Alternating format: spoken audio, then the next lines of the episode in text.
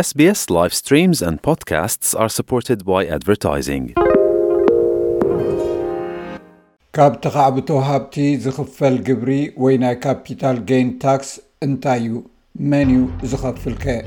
ምንባር ኣብ ኣውስትራልያ ካብ ተኻዕብቶ ሃብቲ ዝኽፈል ግብሪ ወይ ናይ ካፒታል ገይን ታክስ ንትውንኖ ገዛ ኣብ ትሸጠሉ ካብቲ ትረኽቦ መኽሰብ ዝኽፈል ግብሪ እዩ።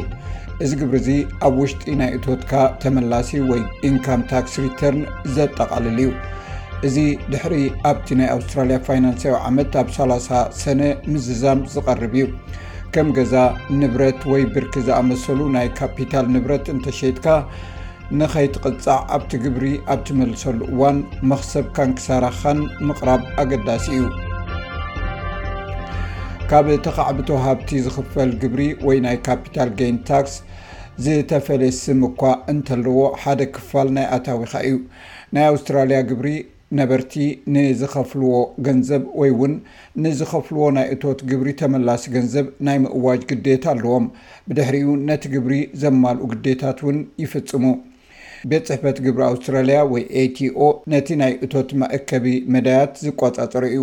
መብዛሕትኦም ሰባት ዓመታዊ ግብሪ ንምኽፋል ምስ ናይ ሕሳብ ክኢላታት ወይ ኣካውንታንትስ ይሰርሑ። ማኖጅ ጉፕታ ኣብ መልበርን ዝርከብ ናይ ሕሳብ ሰራሕተኛ እዩ። CGT ወይ Capital Gain Tax ብኸመይ ከም ዝዓዪ ይገልጽ።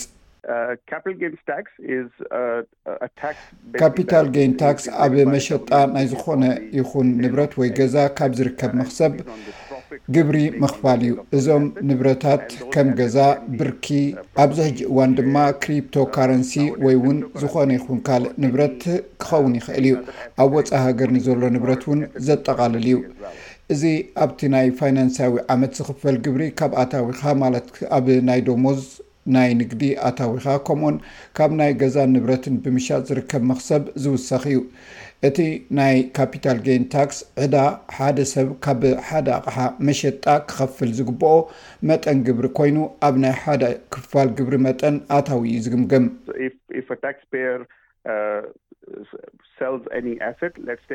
ሓደ ከፋል ግብሪ ሓደ ኣቕሓ ምስ ዝሸይጥ፣ ንኣብነት ሓደ ሰብ ገዝኡ እንተ ሸይጡ መኽሰብ ይርከብ ኣይርከብ ብዘየገድስ ኣብቲ ናይ ብሕቱ ናይ ግብሪ ተመላሲ ክሕብር ኣለዎ።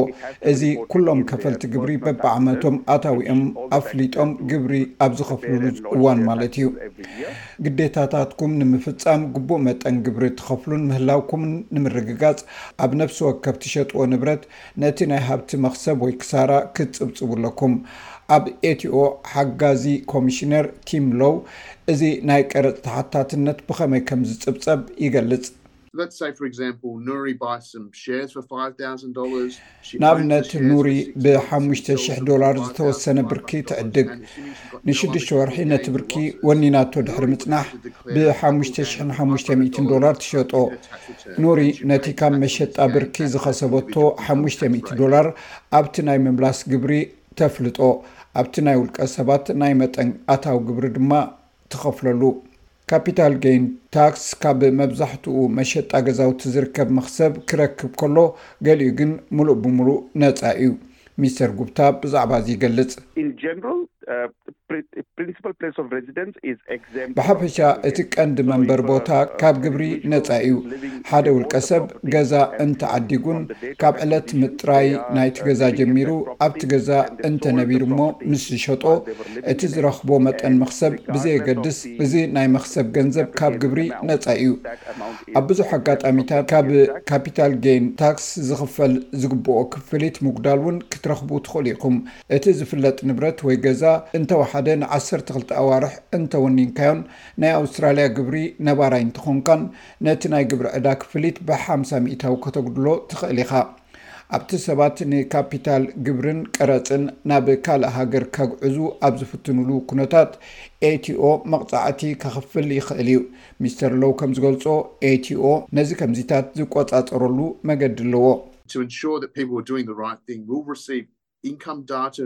ሰባት ቅኑዕ ነገር ይገብሩ ምህላዎም ንምርግጋፅ ካብ ዝተፈላለዩ ትካላት ከም ባንክታት፣ ካብ ኣታዊታት መንግስቲ፣ ካብ ቤት ፅሕፈት ዋንነት ሃገር፣ ካብ ትካላት መድሕን፣ ካብ ናይ ብርኪ ምዝገባ፣ ናይ እቶት ዳታን ካልእን ሓቤሬታ ይርከብ። ከምኡውን ከም ኡበር፣ ኤር ቢኤንቢ ዝኣመሰሉ ናይ ቁጠባ መድረኻት ብምድዋል ሓበሬታ ንረክብ ኢና። ሰባት ምስ ናይ ግብሪ ጉዳይ ብዝተኣሳሰሩ ግዴታታቶም ከም ዝስከሙ ንምግባር ድማ ሓበሬታ ንረክብ ኢና። ሓደ ግብሪ ተቐማጢ ግብሪ ተመላሲ ኣብ ዝገብረሉ ናይ ካፒታል መኽሰብ እንተዘይኣዊጁ ርኡይ መቕጻዕቲ ክህልዎ ይኽእል እዩ። ናይ ካፒታል ግብሪ ክትከፍል ከም ዘለካ ርግጸኛ እንተዘይኮንካ ወይ'ውን ምስ ኣእተኻዮ ጌጋ እንተተፈጺሙ ናብ ATO ክትሓትት ወይ'ውን ምዝጉብ ናይ ግብሪ ወኪል ከተዛራርብ ኣለኳ። ኣብ ATO ንግብሪ ተመላሲ ኣብ ትገብረሉ እዋን መጀመርያ እቲ ግቡእ ሓበሬታ ክትረኽቡ ክንሕግዘኩም ኢና ኣብኡ ዘለና። ግብሪ ካብ ምኽፋል ምህዳም ዝወሃብ መቕጻዕትታት ልክዕ ከም ካልእ ግብሪ ኣብ ዝተኸፍለ መጠን ግብርን ናይ ውልቀ ሰባት ጠባያትን ዝተሰረተ እዩ። ሚኢታዊ ናይ ዝኽሰሱ መቕጻዕቲ ንነፍሲ ወከፍ ዓይነት ጠባያት ዝፈላለ እዩ። ከምኡውን ናይ ATO ንሓበሬታ ናይ ቀረጽ ምኽፋል መቕጻዕትታት ዝምልከት እውን ይኸውን። ሚስተር ሎው ከም ዝገልጾ እቲ መቕጻዕቲ ካብ ዕስራን ሓሙሽተን ክሳዕ ሚእቲ ካብ ሚእቲ፣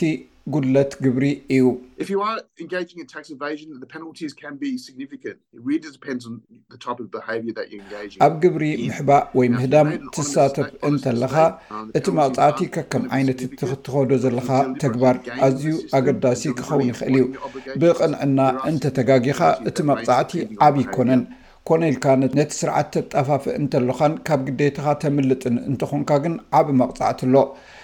ደይ መደይ ኢልካን ብተደጋጋምን ገበን ዝፍጽሙ ሰባት ገበናዊ ክሲ ክምስረተሎም ከም ዝኽእል ምስብሃል እውን ኣገዳሲ እዩ። ኣውስትራልያ መብዛሕትኡ ግዜ ጥረ ገንዘብ ዘይትጥቀም ወይ ካሽለስ ሃገር እኳ እንተኾነት፣ ገሊኦም ግብሪ ዝኸፍሉ ሰባት ግን ብጥረ ገንዘብ ዕድግን መሸጣን ክገብሩ ይኽእሉ እዮም። በዚ ነቲ ክኸፍልዎ ዝግብኦም ናይ ኣታዊታት ግብሪ ከጉድልዎን ብዘይ ግብሪ ክሓልፉን ይፍትኑ እዮም። እዚ ግን ኣብ ናይ ካፒታል ታክስ ገይን፣ ንብረት ከም ገዛ ወይ ብርኪ ምሻጥ ኣዝዩ ሳሕቲ ዘጋጥም እዩ ይብል ሚስተር ጉፕታ። ኣብ ኣውስትራልያ ኩሉ ብጥረ ገንዘብ ናይ ምስግጋር ከጋጥም ኣይክእልን እዩ ብዙሕ ኣይብልን እየ።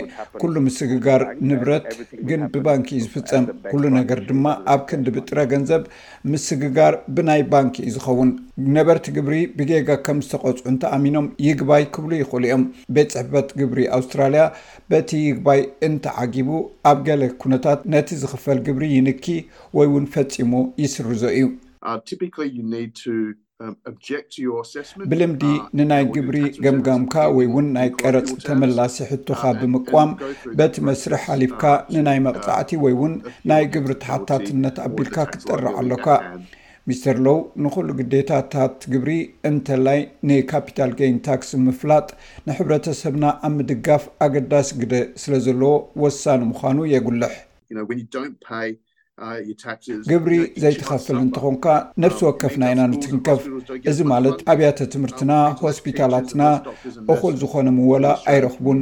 ማለት ውሑድ መማህራን፣ ዶክተራትን ነርሳትን ንማሕበረሰባት ኣውስትራልያ ክህልዉ እዮም ማለት እዩ። ብኣንጻር እቲ መኽሰብ ክርከብ ከሎ ጥራይ እዩ ግብሪ ዝኽፈል ዝብል ልሙድ ኣረኣእያ ኣብ ገሊኡ ኣጋጣሚታት ክሳራ ኣብ ዘጋጥመሉ እዋን እውን ከይተረፈ ግብሪ ዝኽፈል ክኸውን ይኽእል እዩ። እዚ ምኽሳር ርእሰ ማል ወይ ካፒታል ሎስ ይበሃል። ኣብ ብሪስበን ዝርከብ ናይ ኣይቲ ኮንሳልታንት ቪ ሱብራማንያ ነቲ ናይ ወፍሪ ገዝኡ ብኽሳራ ሸይጥዎ። ዋላ እኳ ካብ ምኽፋል ናይ ካፒታል ገይን ታክስ ነጻ ክኸውን ትጽቢት እንተነበሮ፣ ኤቲኦ ግን ዝተፈለየ ኣረኣእያ እዩ ነይርዎ። ናይዚ መስርሕ ኩነታት እንታይ ምዃኑ ድማ ይገልጽ። ኣብ ታዝማንያ ናይ ወፍሪ ገዛ ነይሩና። ብ ኣርባዕተ ሚእትን ዕስራን ሽሕ ዶላር ዓዲግናዮ። ናብ ብሪዝበን ቅድሚ ምጕዓዝና ንገለ ዓመታት ኣብኡ ንነብር ኔርና። ንሒደት ዓመታት ድማ ኣካሪናዮ፣ ብድሕሪኡ ሸይጥናዮ። ካብ ኣርባዕተ ሚእትን ዕስራን ሽሕ ዶላር ናብ ሰለስተ ሚእትን ሰማንያን ሽሕ ዶላር ወሪዱ። ኣብታ ዓመት እቲኣ ግብሪ ክንመልስ ምስ ተመለስና፣ ATO መኽሰብ ካብ ርእሰ ማል ኣሎኩም ኢሉና። ከምዚ ዝኣመሰለ ኩነታት ንብዙሓት ሰባት ከሰንብዶም ይኽእል እዩ። ንሓደ ናይ ወፍሪ ገዛ ዘድሊ ወጻኢታት ምስ ዝግበረሉ እዩ እዚ ዝለዓል። ሚስ ሱብራማንያ እዚ ብኸመይ ከም እተፈጥረ ድማ ብዝርዝር ይገልጽ።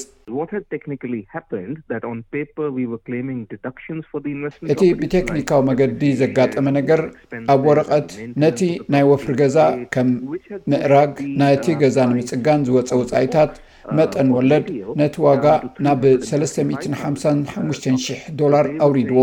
ስለዚ ሕጂ ዕስራን ሓሙሽተን ሽሕ ዶላር መኽሰብ ኣብ ርእሰ ማል ስለ ዘሎ፣ ሰለስተ ሽሕ ክሳብ ኣርባዕተ ሽሕ ግብሪ ክንከፍለሉ ከም ዘለና ነጊሮምና። ካብ ሓደ ሓምለ ክሳብ ሰላሳ ሰነ ነፍሲ ወከፍ ዓመት ግብሪ ተመላሲ ዝኾነሉ እዋን እዩ። ግብሪ ተመላሲ ንኽኸውን እንተደሊኻ ኣብ ሰላሳን ሓደን ጥቅምቲ ምስ ናይ ቀረጽ ወኪልካ ክትራኸብ ይግባእ። እዚ ምንባር ኣብ ኣውስትራልያ እዩ።